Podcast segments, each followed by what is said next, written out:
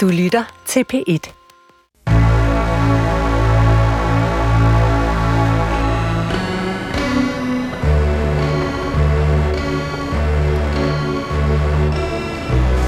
Du har ringet til Hemmeligheder på P1. Tak for din hemmelighed. Vi lover at passe godt på den. Min hemmelighed er, at jeg ikke skifter underbukser hver dag. Velkommen til Hemmeligheder. Mit navn er Sanne Sigal Ben Moyal, og jeg har netop afspillet den første hemmelighed for den telefonsvar. Ja, jeg ville ønske, at jeg kunne sige, øh, som altid er åben. Fordi det, det er den. Den er åben. Men der er sket en fejl. Der er sket en hemmelighedsfejl, eller en telefonsvarfejl. Der er sket, og nu skal I holde øh, fast derude, der er sket en fejl i synkroniseringen. Noget med en kobling til en voicemail, til et system, til et Office-program med noget Microsoft og noget Outlook. Og der er simpelthen sket en fejl i den synkronisering.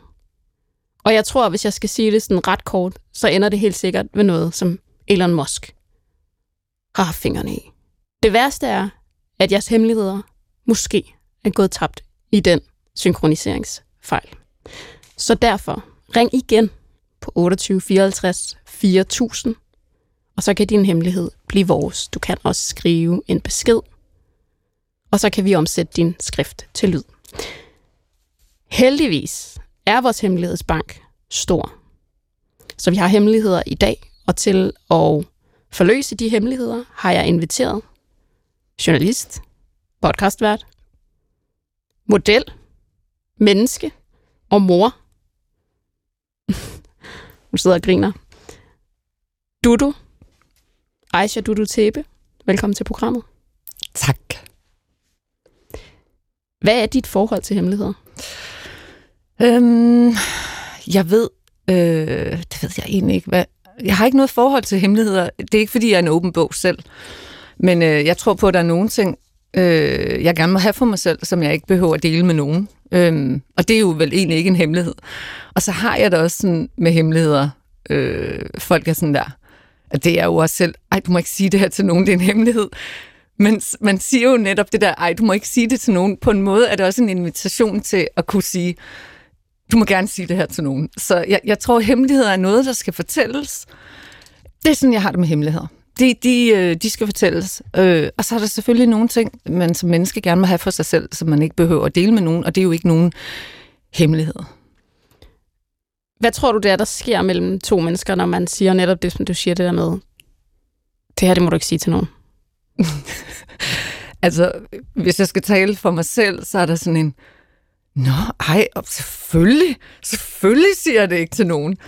Øhm, og det gør jeg oftest heller ikke, men nogle gange, så kan jeg bare, så er jeg altså også bare øh, et menneske med fejl, og så siger jeg selvfølgelig, men jeg tænker jo selvfølgelig over, hvad det er.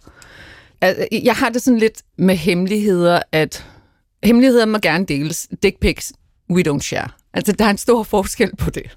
Lad mig sige det på den måde.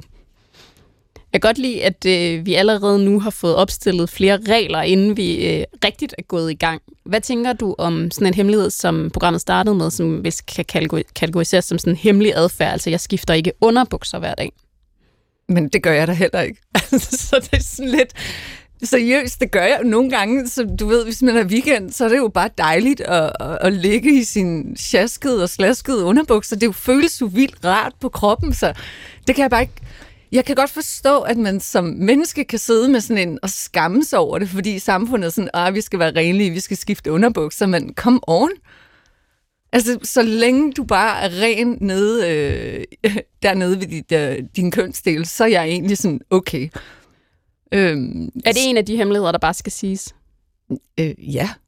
Fordi jeg tror, mange de har det sådan, okay, så skifter jeg måske heller ikke lige sokker hver dag, eller så, du ved, jeg renser heller ikke lige ører så ofte, eller du ved, der er jo et eller andet. Altså, vi har, det er jo også, jeg, jeg tror engang, med, når det kommer til sådan noget med kroppen, så glemmer folk, at vi også bare har en krop, den er smuk, men den er også skide klam. Det er sådan, og det, det synes jeg bare ikke, der er nogen skam i. Jeg, jeg tror, mit forhold, det er ikke, fordi jeg har et forhold til min krop som så. Jeg, min krop eksisterer, den er der, den kan en masse smukke ting. Øhm, den kan også alle mulige, gøre alle mulige klamme ting. Men du og, anerkender skammen? Jeg, jeg kan godt anerkende skammen, men spørgsmålet er, hvem er skammen i forhold til? Er, den, er det noget, hvor du skammer dig i forhold til dig selv, eller det, det, det er dine omgivelser? Øh, Men der er bare ikke til vedkommende derude sådan, hey, I feel you, og jeg synes bare, du skal blive ved med ikke at skifte underbukser. Og du skal bare nyde det. Altså prøv også at finde nydelsen i den her skam. Og det tror jeg, folk tit glemmer, at altså, så slår de sig selv oven i hovedet med det, i stedet for måske at have en nydelse i den her skam på en måde. Altså, jeg, jeg tror, der er en balance imellem de to, at når man har sådan en hemmelig adfærd, så ligger der både skam med nydelse, og jeg synes bare, man skal søge nydelsen i stedet for. Lad os også tage det med videre øh, til de andre hemmeligheder, at der er forskel på den skam, du har over for dig selv, og den skam, du bærer altså udad til. Vi har en hemmelighed igennem, som hemmelighedslytteren selv fortæller, og så, øh, så kan vi spørge ind til den. Velkommen til programmet. Tak. Jeg tænker, at du jo bare starter der, hvor du synes, din hemmelighed begynder. Den starter med, at jeg har virkelig meget angst. Jeg har haft det i snart fire år, og det er sådan en panikangst, og der er mange som psykiater og sådan noget, som der har prøvet at finde på en måde at stoppe det på, men der er ikke rigtig nogen, der sådan har fundet en løsning. Og så øh, her lige før sommerferien, det er jeg kommet videre fra nu, men der prøvede jeg, kom jeg helt ud og prøve at tage mit eget liv på grund af, den her angst var så slem for mig. Øh, men så begyndte jeg så på efterskole, hvor min hemmelighed så er, at jeg er begyndt på snus. Øhm, hvilket jeg godt ved er mega dumt og øh, mega skadeligt, men jeg har simpelthen sådan en kæmpe trang for at stoppe den her angst, så jeg næsten hellere vil tage snus, end jeg vil øh, have den her angst i mig. Det giver jo øh, det giver jo god mening, og jeg tænker, at vi selvfølgelig lige starter med at sige, at øh, du, du siger, du nævner selv, at der har været nogle psykiater på banen, og vi kan jo selvfølgelig kun opfordre alle, der har det ligesom du har det, eller bare en fli af, hvordan du har det, at opsøge professionel hjælp. Men øh, vi er dine ører i dag, så du kan få lov til at ventilere, øh, og så kan vi prøve at se, om vi kan finde ja, ud af, hvordan det er at være oppe i dit hoved, og grunden til, at du måske ja, holder det hemmeligt, at du er, er startet på snus. Først og fremmest, hvordan holder man det hemmeligt? Fordi mm. det sidder jo som små bitte lommer op i, i øh, imellem øh, øh, tænder og tand, tandkød, læbe. Jamen, det, altså, det er ikke altid, man kan se det. Man kan faktisk godt sådan skjule det, okay. Hvad er det, altså hvis man lige sådan skal tage rejsen hen mod snusen, du har det dårligt, du fortæller, at du har panikangst, det er jo altså måske noget af det mest ubehagelige at lide af, Ja. det er panikangst, det der loop, man går ind i, hvor man ikke kan føle, at der nærmest er en bund, altså hvor man er bare sådan padler, svæver. Hvordan er det så, du begynder på, på snus i, i det her loop af panik? Jamen, det startede egentlig med, at jeg havde et panikanfald, imens jeg var sammen med en af mine efterskolevenner, som sad med en bøtte snus. Og så havde jeg ligesom hørt, at sådan noget med snus, det kan berolige. Og så tænkte jeg, fuck, det vil jeg bare prøve nu, fordi jeg kan ikke holde det her ud. Og så prøvede jeg det, og så hjalp det faktisk. Og så begyndte jeg også bare hver gang, jeg fik en panikanfald, så tog jeg en, en skive. Øhm, og nu er det bare været sådan en ting, jeg bare gør, når jeg får det. Selvom jeg godt ved, at, at jeg burde stoppe, og det er skadeligt. Men jeg så på den anden side heller ikke rigtig har lyst til at stoppe, fordi det er det eneste, der kan hjælpe mig. Ser du det som en selvmedicinering? Ja, men på en måde. Må, må jeg lige prøve at spørge dig om noget? Øhm, øh, holder du, du fortæller, at din hemmelighed er, at du tager snus. Men er din ja. Hemmelighed også, at du har panikangst? Mm, nej, det er, der, altså, det er ikke alle, der ved det, men på efterskolen ved de fleste lærere det i hvert fald. Og, øh, og at hvad jeg med, har det, men der er jo ikke nogen, der ved, at jeg så snus. Okay, men, men hvad med, med dem, som du går på efterskolen med, dem, som er jævnaldrende med dig? Ved de, at du øh, får øh, altså, panikanfald? De fleste ved det ikke, men dem, jeg sådan er tæt med, de ved det godt. Hvad betyder den her efterskole for dig, altså det rum, den efterskole kan skabe? det, det, jeg synes, det er virkelig rart også, det med, at man kan hele tiden blive afledt. Hvis jeg også kan mærke, at der er et anfald på mig, så ved jeg, at jeg altid kan gå et sted hen, hvor der er nogen, som kan aflede mig. Det lyder også som et altså, virkelig, virkelig dejligt rum. Er der mulighed for, at du kan ja, lukke nogen ind i den her hemmelighed, du har? Det tror jeg ikke, fordi jeg tror, jeg vil være bange for, at der er nogen, der siger det til de voksne, og så bliver jeg jo så smidt ud af efterskolen, hvad jeg ikke har lyst til. Du går jo i forvejen rundt med altså, en meget tung altså sådan, øh, byrde. Altså, det er jo vildt hårdt at have panikangst. Det er jo drænende øh, i løbet af dagen, forestiller jeg mig. Hvordan er det så at skulle ja, have en hemmelighed on top of that? Jamen, det er jo også det, som du siger, det er mega drænende også ligesom at have sådan noget oveni. Men igen, så føler jeg ikke rigtigt, at jeg kan sige det som nogen, uden at det kommer til at have kæmpe store konsekvenser. Det lyder som om, at du siger, at det er noget af det eneste, der hjælper dig lige nu, sådan som du har det. Men det vil også hjælpe dig at fortælle hemmeligheden til nogen, fordi det gør det jo at fortælle sin hemmelighed. Men du kan ja. ikke, fordi så bliver du smidt ud af det, som er det fællesskab, du lever af. Er det rigtigt ja. forstået? Ja. Jeg, jeg vil lige sige, jeg vidste slet ikke, at, at der var sådan en, øhm, en regel på efterskolerne om, at man ikke må tage dags. Øh, Hvad kalder du det? Dags hedder det. Dags? Dags, ja. Eller, dags eller snavs, eller... Ja, det hedder det simpelthen. Ja. Det kan jeg høre, der er nogen, der genkender i den anden ende. Ja. Det er det, det, er det de unge siger. okay, men hvor længe er det, du har taget det her dags her? Jamen, det har jeg gjort i to, tre måneder nu, tror jeg. Mm. Mm. Som siden jeg startede på Mm. Og hvordan føles det egentlig? Jamen, det er jo bare sådan, det, ligesom når man har drukket, og man får den der sådan helt, man bliver sådan helt afslappet.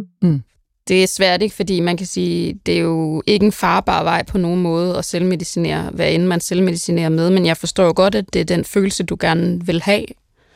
Ja, men omvendt, så tænker jeg også, det er en følelse, vi alle sammen gerne vil have. Vi bruger bare forskellige ting til at få den følelse i kroppen. Så, så jeg vil lige sige, at ja, det er ikke sundt. Jeg, jeg, jeg, vil også gerne indrømme, eller jeg behøver ikke engang at indrømme, jeg ryger.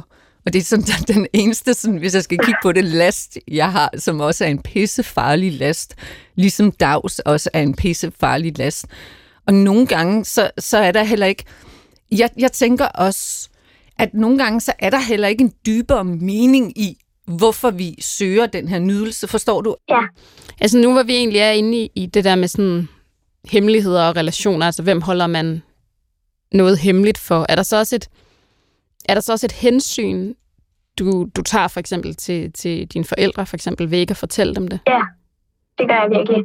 Det er også noget, som jeg også snakket med mange psykiater om, det der med, at jeg har det meget med at holde ting ligesom hemmeligt. Jeg har haft en kæmpe depression, og så var jeg gik rundt med det i et halvt år uden at fortælle det, fordi jeg er bange for at ligesom gøre mine forældre ked af det. Og jeg tror også, det er noget af det, der er i det her med snusen, at jeg ved, at hvis mine forældre finder ud af det, så ja, det ved jeg ikke engang, hvad de så gør. Men jeg ved i hvert fald, det er mere ret ked af det. Hvad er det, altså, hvad er det, du frygter, at du bliver i deres øjne, hvis du fortæller dem det? Jamen, jeg er bange for, at jeg kommer til at skuffe dem. Jeg vil gerne gøre dem stolte. Og jeg tror ikke, de vil komme til at... Jeg tror ikke, de forstår det. Jeg tror ikke, de forstår, hvorfor at, at man gør det. Der sidder to møder herinde i studiet øhm, med, med lidt øh, ondt i, i hjertet, fordi jeg tror, at... Jeg ved ikke, nu taler jeg jo for dig, du, men det er jo bare... Altså, der er jo ikke noget... Der er jo ikke noget, man hellere vil, end at se sine børn glade. Man synes, man giver dem hele livet, og man tænker, så må I også være glade. Og sådan fungerer det jo altså desværre bare ikke. Nej, fordi forældrene er problemet. Og, og der vil jeg sige, min datter, hun sagde, jeg har en datter, øh, som er 16, bliver snart 17, og hun sagde til mig for måske et lille bitte års tid siden, hvor vi netop også talte om det her med, at, undskyld, nu putter jeg der bare lige en kasse og siger, ja unge, og de problemer, I har, om det kan være angst eller andre former for psykisk sårbarhed, men, men når I egentlig har det svært, at, at I kan være gode til at dele det, men samtidig med, at I ikke er gode til at dele det. Og, og dem, I deler det mindst med, det er forældrene. Og, og det undrer jeg mig over. Og så er det min datter, hun siger til mig, jamen mor, problemet er jo oftest, at det er vores forældre, der er problemet. Det er jo ikke os som børn, der er problem. Forstår du? At, at det ikke... At, at det, der går ondt ind i mig, når jeg ligesom hører dig sige de ting, du gør, at det, det, det er jo ikke dig, der er problemet, det er dine forældre, der er problemet. Altså rent ud sagt, er det os forældre, der er problemet. Du er et barn. Hvis der er nogen, der skal være sådan der, at bange for at skuffe og sådan nogle ting, så er det jo virkelig dine forældre, der skal sidde med den følelse, fordi de fucker op. Så, så det er også noget med, sådan, jeg ved godt, at det måske er meget at lægge over på dig, men måske er der også noget med at begynde at stille nogle krav, tænker jeg, til dine forældre. Ikke? Det du, du også siger er jo, at dine forældre har helt sikkert været super gode forældre, men alle forældre fucker op. Altså, at det handler ikke om, at dine forældre er dårlige forældre, det handler om, at dine forældre er menneskelige. Og det gør bare, at at øh, der hvor du tager skammen på dig, så tror jeg, at du, du har ret i at sige, prøv at vente den om at sige, de bliver helt sikkert mere skuffet over sig selv. Fordi de tænker, hvor har vi fejlet? Og der er ingen af jer, der Ja. nødvendigvis har fejlet. Jeg tror bare, at det handler om, at I skal snakke om det. Ja, men min mor, hun har også sagt til mig, der et tidspunkt, hvor vi sad og spiste aftensmad, hvor hun ligesom havde hørt, at der var nogen på min efterskole, der havde taget snus. Og så sagde hun også, at, at, at hvis jeg tog snus, så ville hun smide mig ud af efterskolen. Og det gider jeg ikke. Nej, det er selvfølgelig klart, det er en, det er en super hård udmelding, og det forstår Det jeg godt, men så er, så er vi jo lidt tilbage ved det, du, du siger. Altså, det er jo... Altså, der er noget, dine forældre måske skal, skal forstå, eller prøve at lære at forstå, og det er jo, at... Øh, de skal ikke true dig. Altså ærligt, det er der, hvor det handler om, at, at du kan sætte dine grænser. Ja, du er deres datter, men udover det, så, så er du altså også dit eget menneske, dit eget væsen, og du må gerne sige fra over for dem. Ja. din, din datter har jo også været bange for at skuffe dig. Altså, det tror jeg, alle børn er bange for at skuffe deres forældre. Altså, det er sådan fuldstændig indbygget. Altså, ligegyldigt, hvor meget vi forældre nærmest fucker op, var jeg ved at sige, så tror jeg altid, børn vil være bange for at skuffe deres forældre. Tænker du ikke det, du, du altså, at din datter jo også har været bange for at skuffe dig? Hun har i hvert fald været bange for at gøre mig ked af det, fordi hvis jeg så bliver ked af det, så bliver jeg jo, min reaktion er ikke at være ked af det, min reaktion er at blive vred, ikke? Øhm, men, men der er hun ikke så meget længere Men kan Men- du genkende Men jeg usikkerheden kan, jeg kan jo i... godt genkende usikkerheden, og der vil jeg sige som forældre, at jeg ved udmærket godt, når jeg fucker op, og når min datter kommer og fortæller mig noget, som hun har gjort, som hun jo godt ved, at jeg ikke synes er en god idé, så, så peger jeg altså pilen på mig selv, frem for at pege pilen over mod hende, fordi der er bare en forskel på at være 42, som jeg er, og min datter, der er 16. Der er bare væsen til forskel, og hun skal ikke være mig. I virkeligheden handler mange ting om for dig lige nu også at lære dine egne grænser at kende. Forstår du? Hvad, er der, kunne du få noget ud af de perspektiver, vi, vi talte om før, altså med forholdet mellem unge og forældre? Ja, det kunne jeg virkelig godt. Du ved, du behøver ikke at fortælle dine hemmeligheder til de voksne, men du kan i hvert fald sætte nogle grænser over for dem og sige, prøv at høre, jeg vil ikke finde mig i trusler. Jeg forstår godt, der er konsekvenser af mine handlinger, men I skal ikke true mig, og I skal tale til mig på en måde, der gør, at vi faktisk skal have en samtale med hinanden. Ja, Det er i hvert fald deres ansvar at passe på det, du afleverer hos dem. Øhm, Ja. Og jeg håber, at øh, jeg håber, at du finder den person, du kan aflevere det hos. Ja. Tak fordi, at vi måtte komme med ind i dit hoved. er. Der er bare noget i den der generationskløft. Og det, vil der, det tror jeg altid, der har været. Altså, der, er, der vil være nogle ting, som går tabt i, i de der generationer, altså mellem generationer. Hvor vi bare ikke kan forstå, eller ikke vil forstå, Jeg, jeg, ved du hvad, jeg ved ikke, om der er noget, der går tabt, men, men, men jeg, jeg, jeg tror simpelthen, det, der sker for mange voksne, der bliver forældre, at det er, at, øh, at, at de bliver nogle ignoranter. Dybest set. Og, og meget af det handler om dem selv, i stedet for, at det handler om... Det, det, jeg har i hvert fald haft det sådan, at børn for mig, øh, og nu har jeg jo en datter, at hun er sin egen. Hun, ja, jeg har født hende, jeg har sat hende i, hende i den her verden, jeg har et ansvar for hende, men, men øh, og ja, jeg har også fejlet, som jeg siger, jeg kommer også med sådan nogle virkeligheden tomme trusler, og nu kalder hun mig bare ud på dem. Ikke? Og det er mega fedt, at hun kalder mig ud, fordi det er, sådan, det er jo mega dårlig stil at gøre det her. Øh, og, det, og, og der synes jeg bare sådan, så der er ikke noget, der går... Jeg ved ikke, om der er noget... Det handler ikke om, om generation. Jeg, jeg, jeg tror, det er noget med, at jeg føler mig berettiget til at eje hende, når jeg egentlig ikke ejer hende, vel? Øh, og, og det har intet med generationer at gøre. Det, det, det er simpelthen bare noget med, hvem vi er. At der ligner vi jo alle sammen. Øh, du ved, der er jeg jo ikke væsen. Jeg kan jo tit, tit sidde og sige, at altså, jeg er meget anderledes end andre forældre. Men gud, jeg ej, det er det, jeg mener. Altså, jeg går også med fucking de samme underbukser, ikke? Altså sådan, det, det er bare sådan, jeg er bare det her menneske, der også bare fucker op. Men øhm, så jeg, jeg ved Det ikke... handler om- vel også, tu- altså, mm. det handler vel også om at ture og vise Mm. sit barn, at man er fejlbarlig. Ja, at- jeg er et skide fag indimellem, ikke? Øh, hvilket jeg jo er, og det, det tror jeg bare sådan, at der har hun virkelig set nogle sider ved mig, som, som er bare grimme, men jeg står også ved, at jeg er fucking grim en gang imellem. Øh, og, og det tror jeg, de færreste, og det er jo i virkeligheden der, hvor skam og hemmeligheder kommer ind, det er det der med, at man ikke vil tage ejerskab over, du er også grim. Du er grim, du lugter for neden, du ved, ting kan bare godt være nederen, selvfølgelig. Og det er bare sådan, mm. Og jeg, jeg, jeg er bare begyndt at eje det der med at være smuk og grim og klog. Vi tager lige en øhm, hemmelighed mere. Så min hemmelighed er faktisk måske en sød en. Så altså, jeg er blond og etnisk dansk, og lige nu så dater jeg en pige med hijab. Vi er meget glade for hinanden, og det er ikke engang sådan en vild forelskelse. Det er bare meget roligt, meget sødt, meget kærligt. Vores forældre ved det selvfølgelig ikke, øhm, og kun nogle af vores venner ved det. Vi er begge to over 30, så vi er jo ret voksne. Men vi ved jo ikke rigtigt, hvordan det her det ender, fordi det er hemmeligt lige nu. Hej.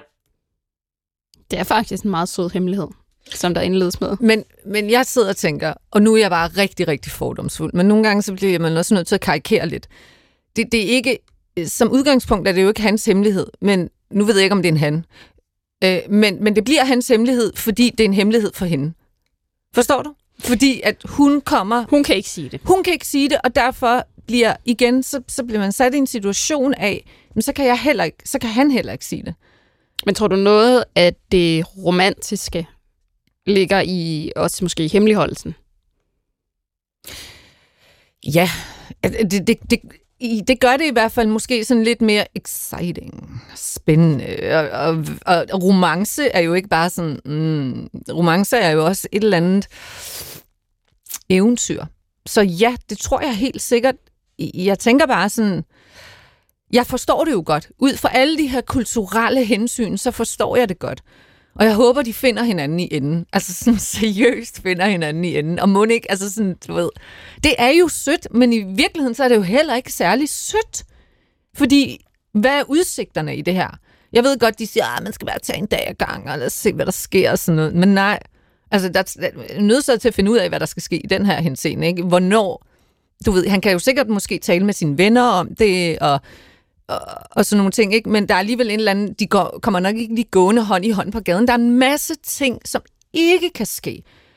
Og på et tidspunkt, så er, man jo ned, så er de jo nødsaget til at adressere det her. Så jeg, jeg synes, det er meget cute, at han siger, ah, at det er en cute hemmelighed, men det er det ikke. Det er en ret kompleks hemmelighed, og så er det fint at dække den ind under sødt, fordi så skal du i virkeligheden ikke tage dig af det, som er den reelle konflikt i det her, ikke? Det, jeg synes er interessant ved begyndelsen på hemmeligheden, er, at han siger, jeg tror, den, den starter med, jeg er blond, og jeg er etnisk. Og så ved man allerede der, så er der jo en modsætning til det, og det er så hijaben.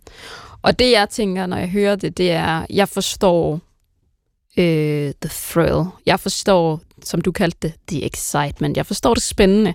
Det er eksotisk.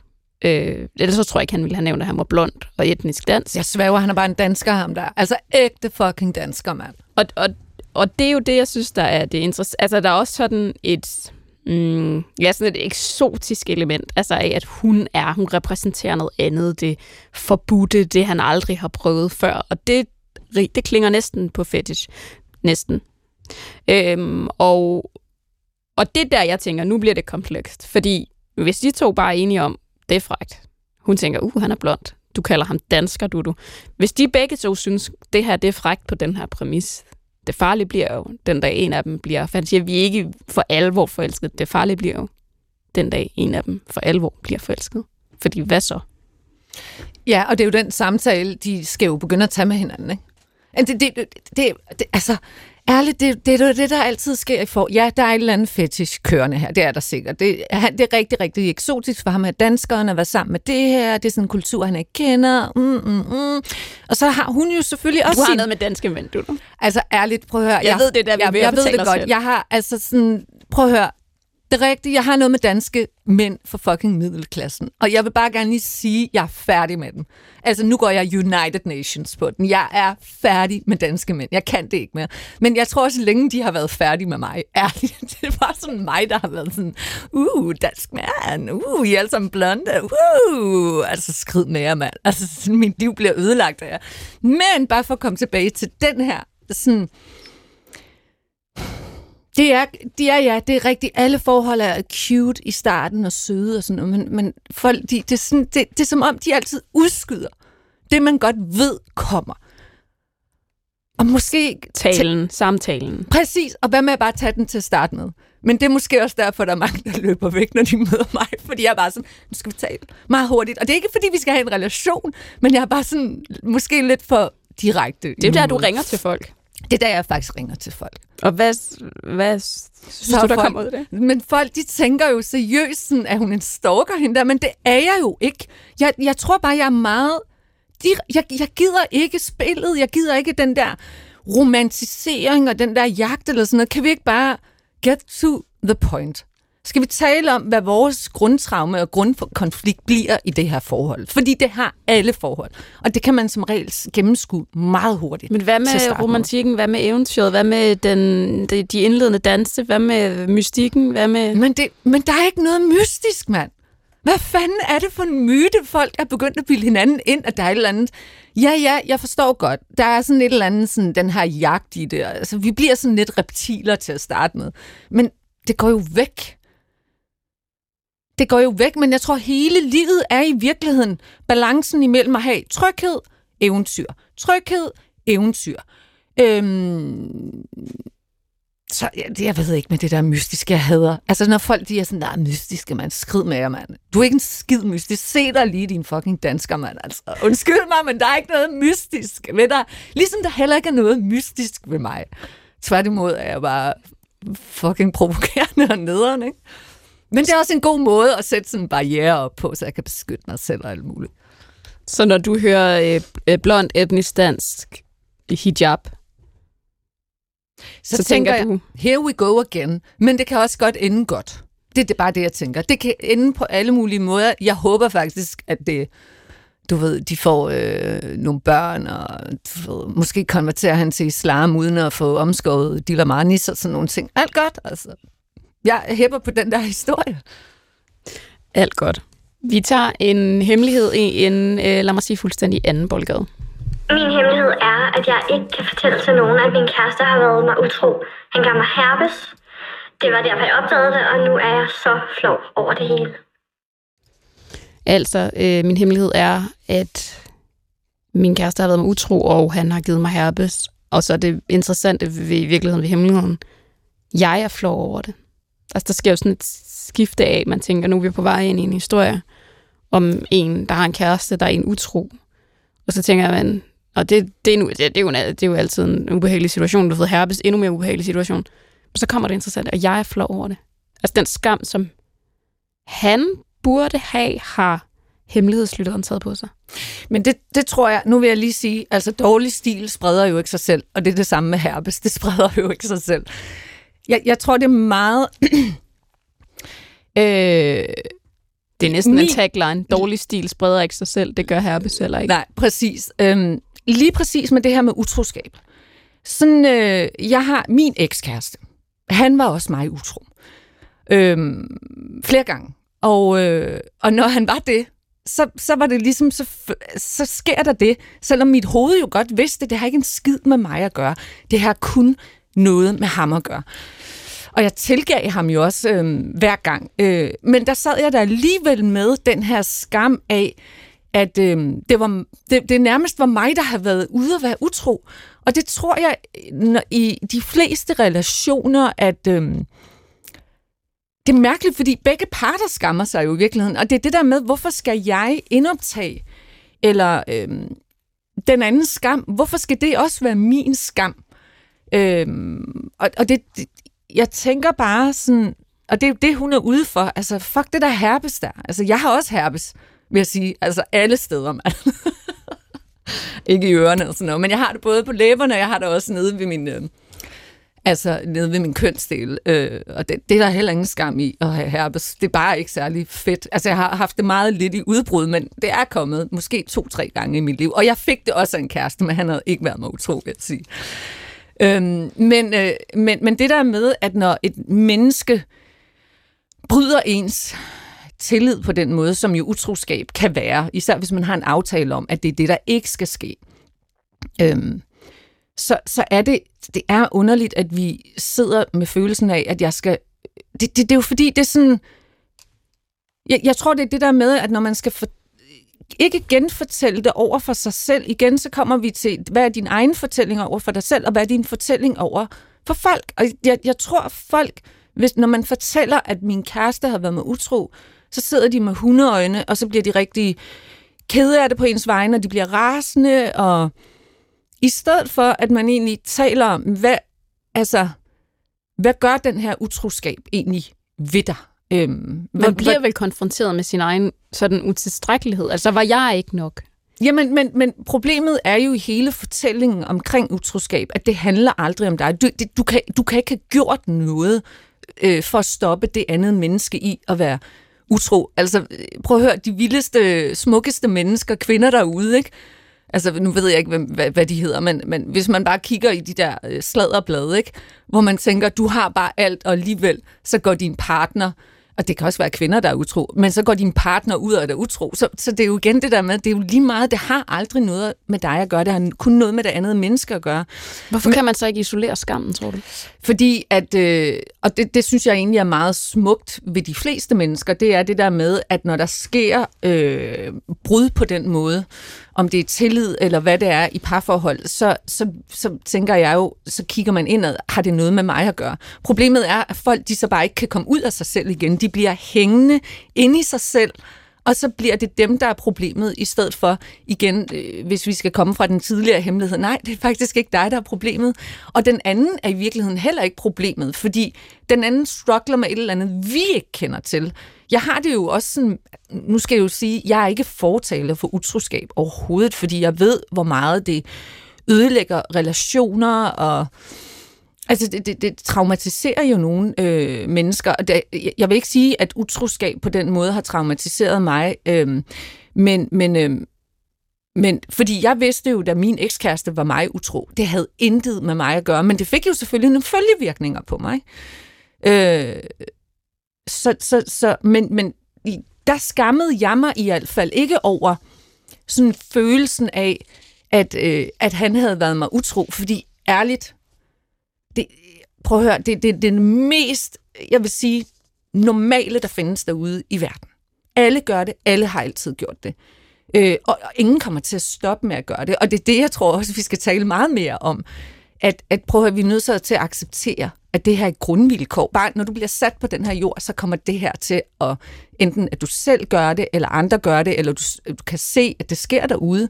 Men, men jeg, jeg tror, vi er nødt til at tale om meget mere åben, at det ikke har noget med os som mennesker at gøre, og derfor skal vi jo heller, og skal omgivelserne jo også heller ikke, når der er et menneske, der kommer og siger, min kæreste har været med utro, sidde øh, og i virkeligheden påføre det andet menneske den skam. Fordi det er det, jeg tit tror, der sker. At I virkeligheden er det ikke en skam, vi påfører selv. Det er lige så meget samfundet, der påfører os den her skam, fordi det er jo sådan uacceptabel adfærd. Ikke? Og hvad kunne du måtte have gjort for, at han eller hun eller den eller det har været ude at gøre det? Ikke?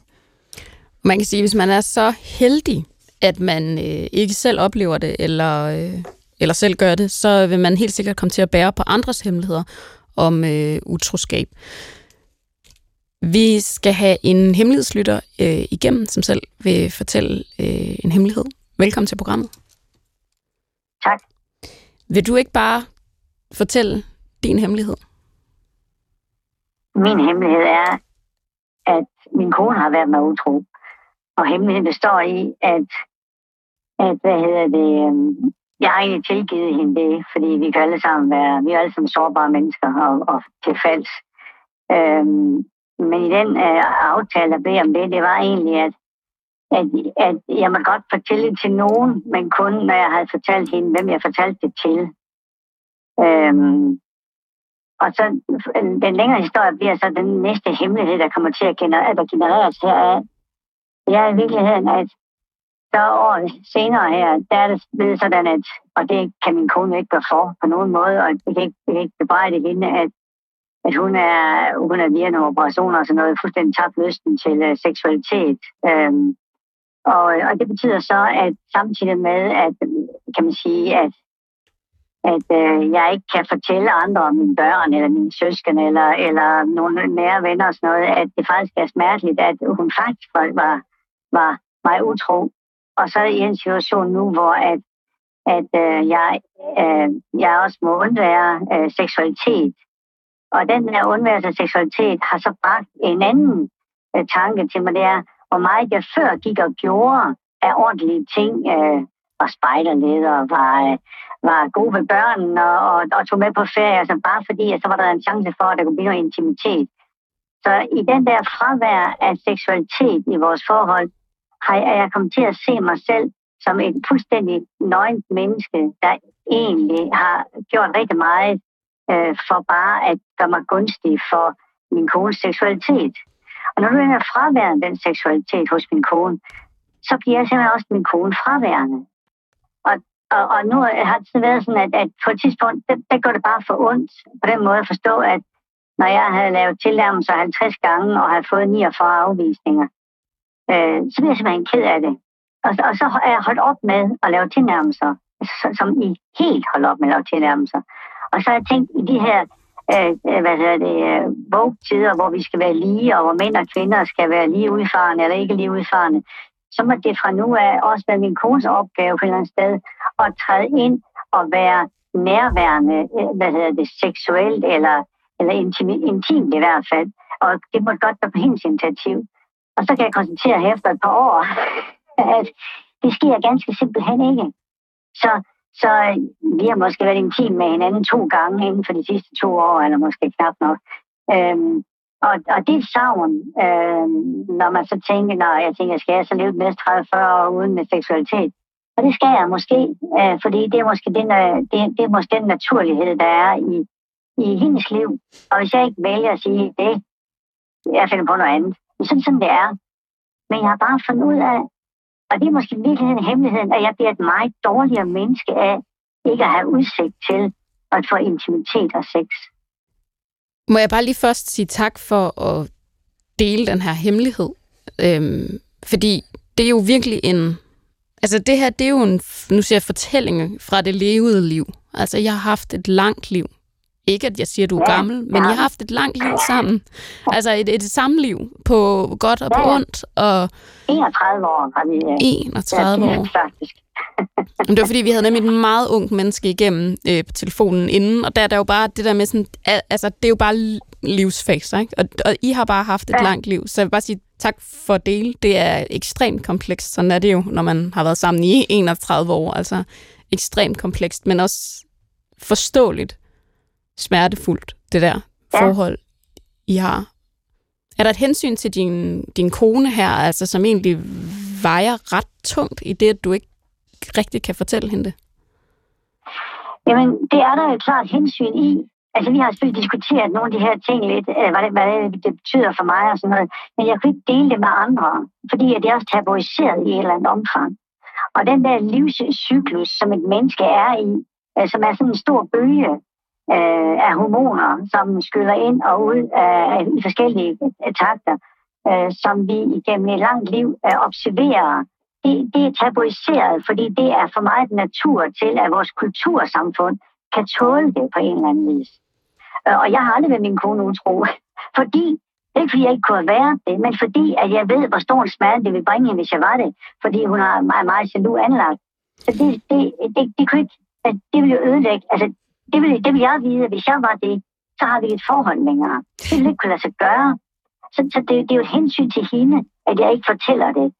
Fordi det senefald, det tæppefald for hendes face vil jo, vil jo falde til grunden, hvis jeg Øh, kan man sige, fortalte, hvordan det faktisk var fedt. Men, men der må jeg sige til dig, det, det, det er simpelthen en misforstået loyalitet over for din kone, og, og det er illoyalt over for dig selv. Jeg synes det, at der er et andet menneske, der vil have øh, retten til fortællingen, Retten til, hvad du må fortælle, men, men også retten til, hvordan det hele har været. Det, det, det, det, det er der noget galt med. Men det, jeg synes næsten det værste, jeg kan høre, det er det der med, at du har brug for at kunne dele din sårbarhed. Og sårbarhed er et andet ord for intimitet. Det har du brug for at kunne dele med andre. Og det er der så et menneske, som du har levet med i 31 år, der siger, det må du ikke. Det er ikke okay i mit univers. det, så, så det, øh, jeg, jeg ved godt, at i virkeligheden skal jeg sidde og spørge dig om ting, men, men jeg, jeg, jeg bliver ked af det på dine vegne, som det, både det, du selv kommer ind på, at som, som mænd, og noget af det, som mænd i forvejen kæmper rigtig meget med ude i verdenen, det er jo at vise, at hey, vi har mænd og kvinder, hvis vi endelig skal se det på de, sådan, de binære akser, vi har de samme følelser, men vi har måske ikke altid de samme redskaber til at kunne ventilere for de her følelser, eller for vores sårbarhed, eller for vores intimitet. Og der er det jo meget, meget... Øh, jeg, jeg synes, det er en tragedie at høre, at du lever med et menneske, som ikke, som nægter dig den her sårbarhed. Men det, der er interessant ved det her er også, og det er sådan noget, der er, er nylig opstået i, i min bevidsthed, Ja, og det kom så af en, jeg havde en lang snak med en god veninde, som er psykiater i virkeligheden. Og så kom vi til at snakke om følelser øh, versus, øh, der er mange lidt ord. Rationalitet. Men, ja, hvis jeg skal have en følelse, og det gik op for mig den samtale, hvis jeg skal føle noget, så skal, så skal der være en rationalitet bagved.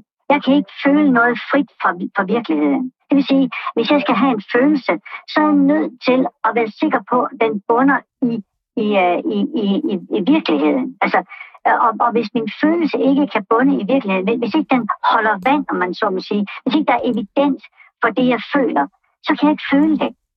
Og så sagde hun, det er jo kraftigt mærkeligt, siger hun så, fordi jeg føler, og så prøver jeg at finde evidensen bagefter. Og, og den, den, den diskrepans, der er i det, synes jeg er helt vildt. Så har jeg prøvet sådan at mærke efter, om, om det er bare mig, der er, der er så firkantet, at jeg er nødt til at have styr på evidensen, før jeg kan føle.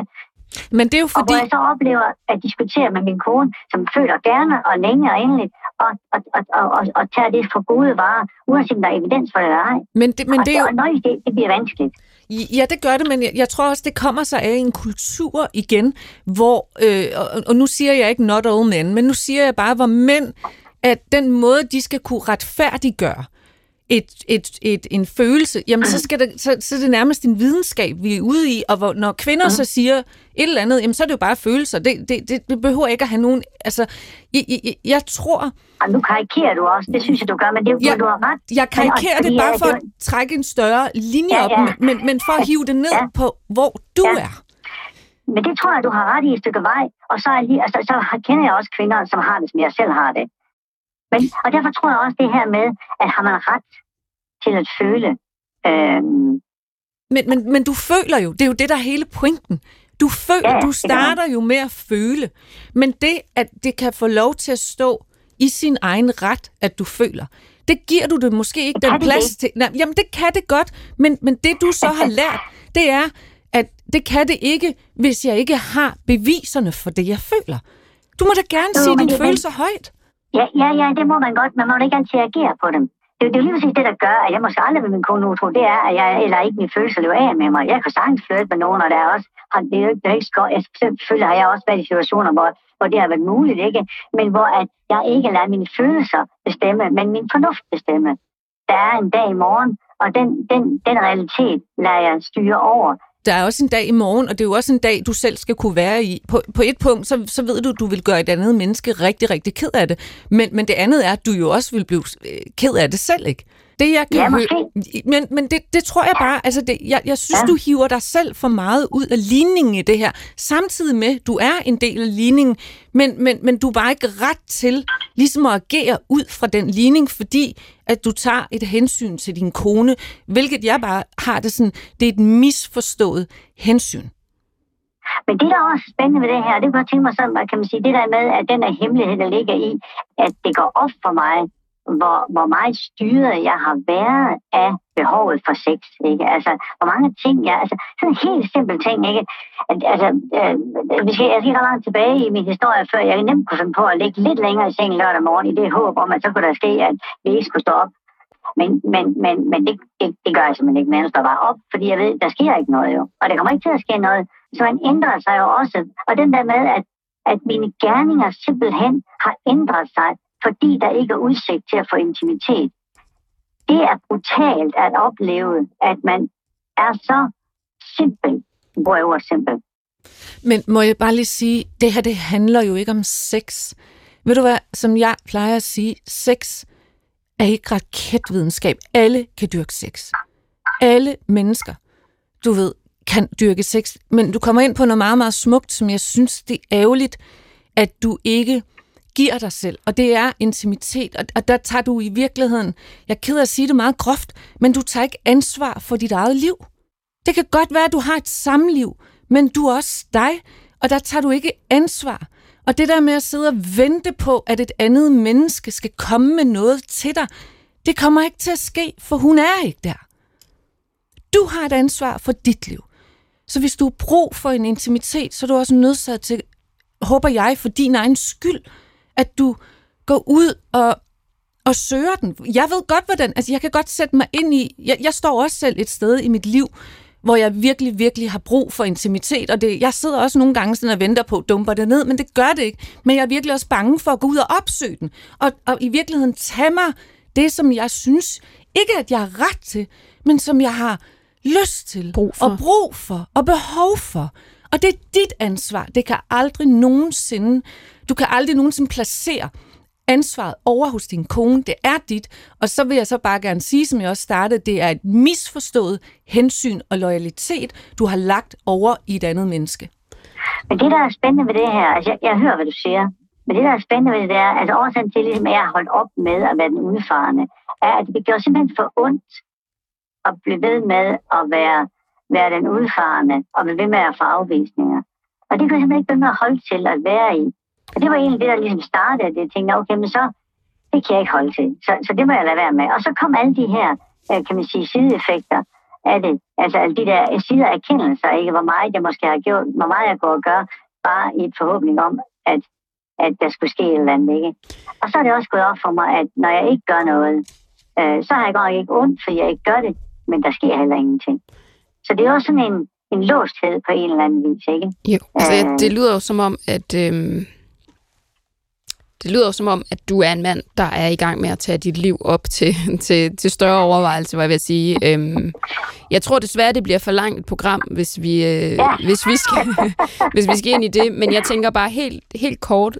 Tænker du, det her det bliver øh, det liv og den hemmelighed, du, øh, du går i graven med? Altså, jeg tror du, at I bliver sammen for evigt, og så går du øh, Jeg ikke tror, for at fedet i graven? At, altså, den hemmelighed, at min kone var med utro, den, den, den kommer ingen steder, fordi det har jeg lovet, den ikke skal. Øh, men den anden hemmelighed, som er, at, at, at kan man sige, at øh, hvor, et, hvor elendigt et menneske man kommer til at se sig selv som, øh, den, den, den, den bliver på en eller anden vis i hvert fald nødt til at løses op på et eller andet tidspunkt inden for en eller anden overskuelig fremtid.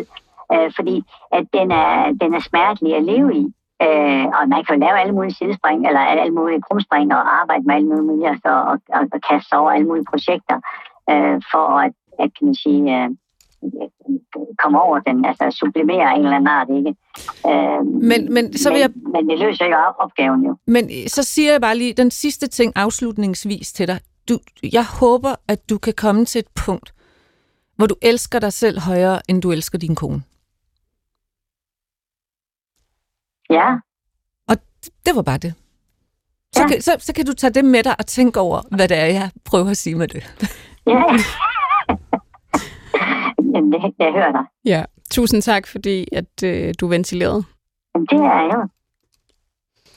Dudu, vi er nået til et punkt i programmet, hvor du skal fortælle os en hemmelighed, og det kan være, at jeg lige her skal deklarere, at vi to jo øh, har et venskab, og vi har ikke et hvilket som helst venskab, men vi har et venskab, hvor vi har siddet i måske over et år på øh, den samme sofa, øh, og kigget ind i en hvid væg. Så det vil sige, vi kender hinanden ret godt.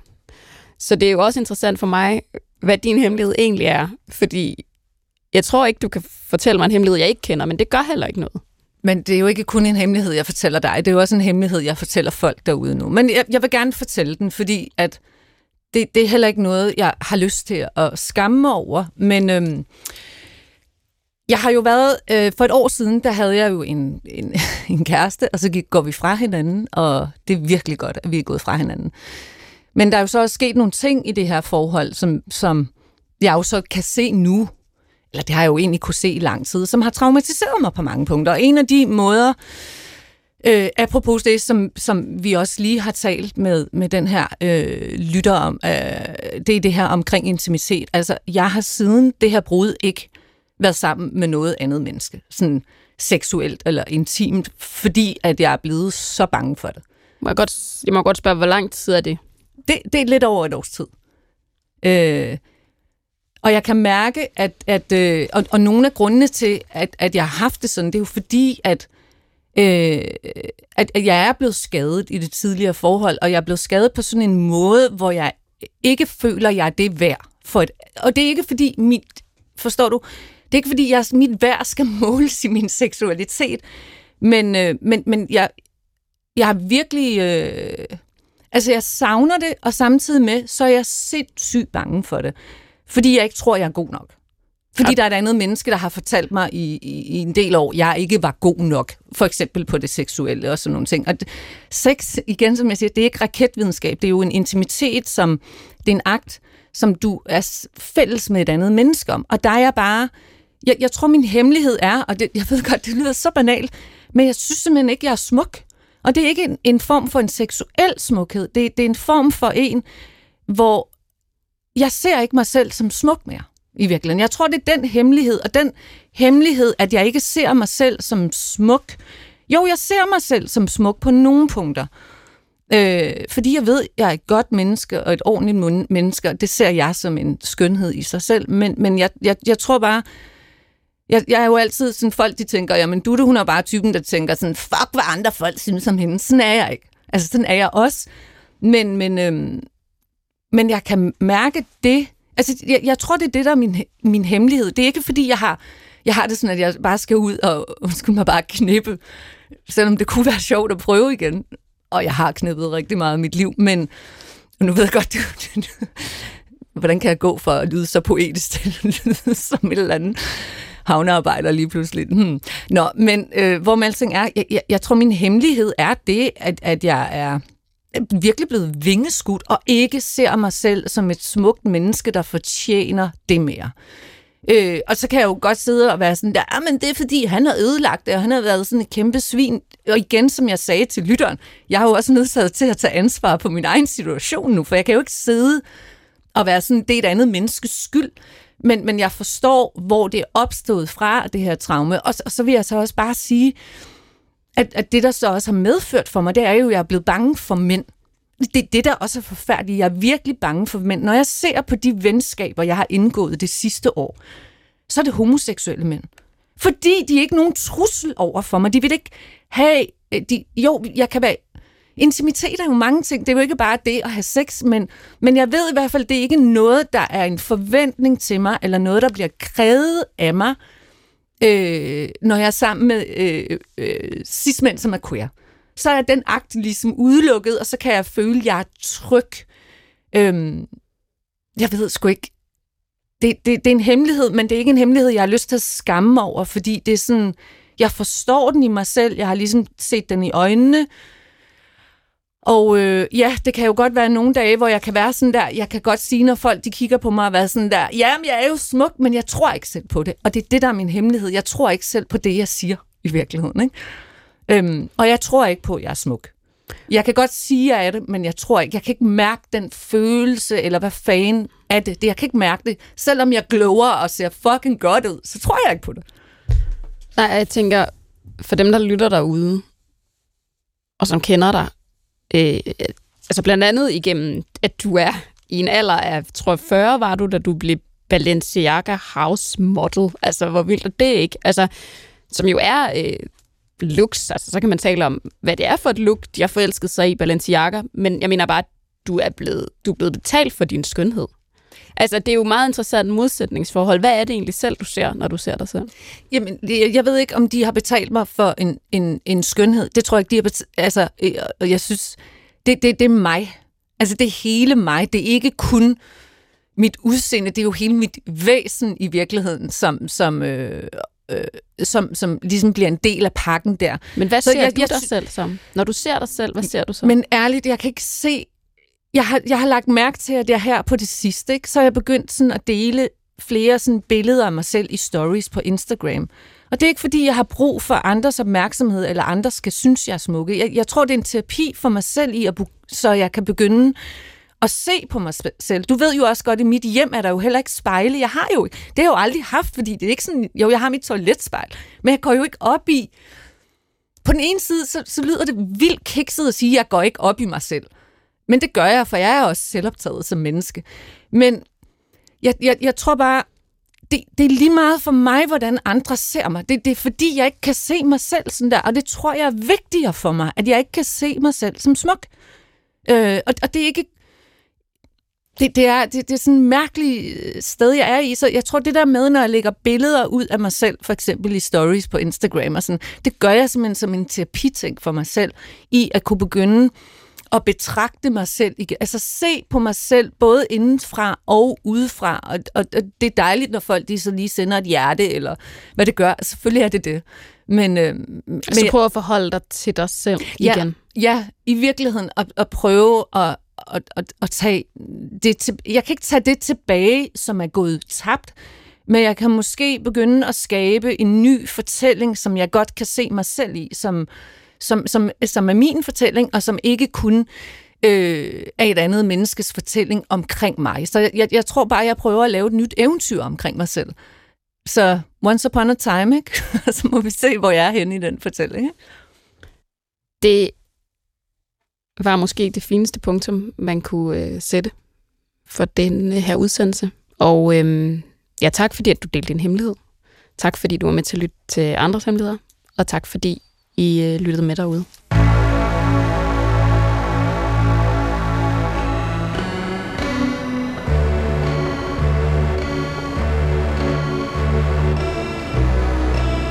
Du har ringet til Hemmeligheder på P1 Tak for din hemmelighed. Vi lover at passe godt på den.